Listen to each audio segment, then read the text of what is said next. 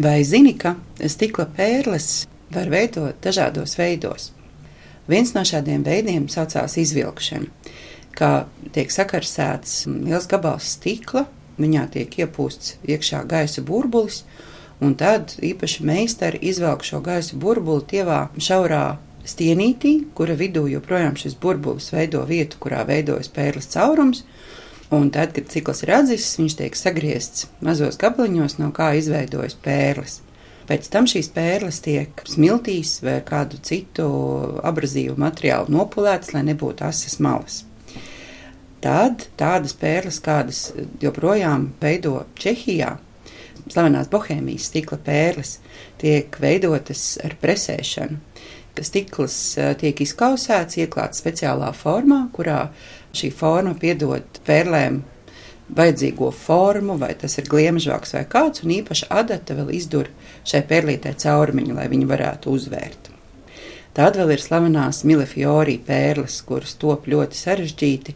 Tās mēs visvairāk varam redzēt joprojām topam arī Venecijā, Murāno salā, kur tiek vispirms izveidots īpašs stikla zīmējums, sakausējot dažādu krāsu stikla stienīšus kopā, tā, lai viņi izveidotu, pēc tam izvelkot un sagriežot gabaliņos zīmējumu. Līdzīgi kā mēs esam redzējuši, kā top, piemēram, karamelis, kurām viducī ir krāsains zīmējums. Pēc līdzīga principa var izveidot arī dažādas zīmējumus stiklā. Un tad šādas stikla gabaliņus piekausē pie stikla serdītes un top tā saucamās milefiori vai tūkstoš ziedu puķis.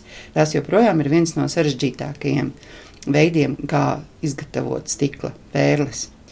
Un uh, veids, kādā es gatavoju stikla pērles, un kas ir viens no viss arī tādiem laikietilpīgākajiem, mākslinieckākajiem veidiem, ir tā saucamais lemfork vai stikla veidošana liesmā.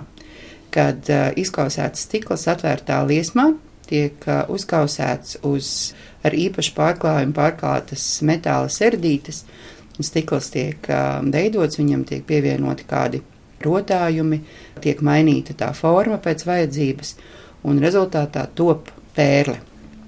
Šajā pašā tehnikā ir iespējams arī izpūst stikla pērles, kas daudziem no jums ienāk prātā noteikti asociācijas ar lielajiem stikla pūtējiem, kur izņem no krāsnes lielu stikla gabalu un tad tajā iepūš vajadzīgo formu bet uh, ar šo lemforka tehniku strādājot, pērle tiek veidota liesmā no tāda maza stikla gabaliņa.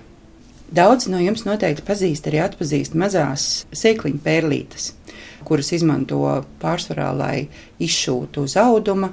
Daudz cilvēku šobrīd tāda maučus krāsēnus un var rotas, un uh, mūsu senči izšuva krāšņus spēļu vainagus ar stikla zīlītēm.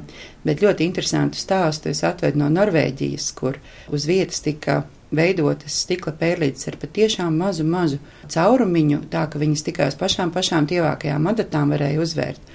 Un veids, kādā viņas tika veidotas, ar mērķi izrotāt krāšņos norvēģu tautas tērpus, bija tas, ka šis stikls tika kausēts un klāts virsū uz nostieptiem zirga astriem. No karstā stikla zirga astars sadega un palika pērlītē tikai mazais, mazais caurumiņš. Un, ja nu kāds var apskatīt vēl kādā muzejā, tad noteikti tas varētu būt ļoti interesants skats šīs pavisam, pavisam mazās smalkās pērlītes, kuras ir burtiski veidotas uz matiem.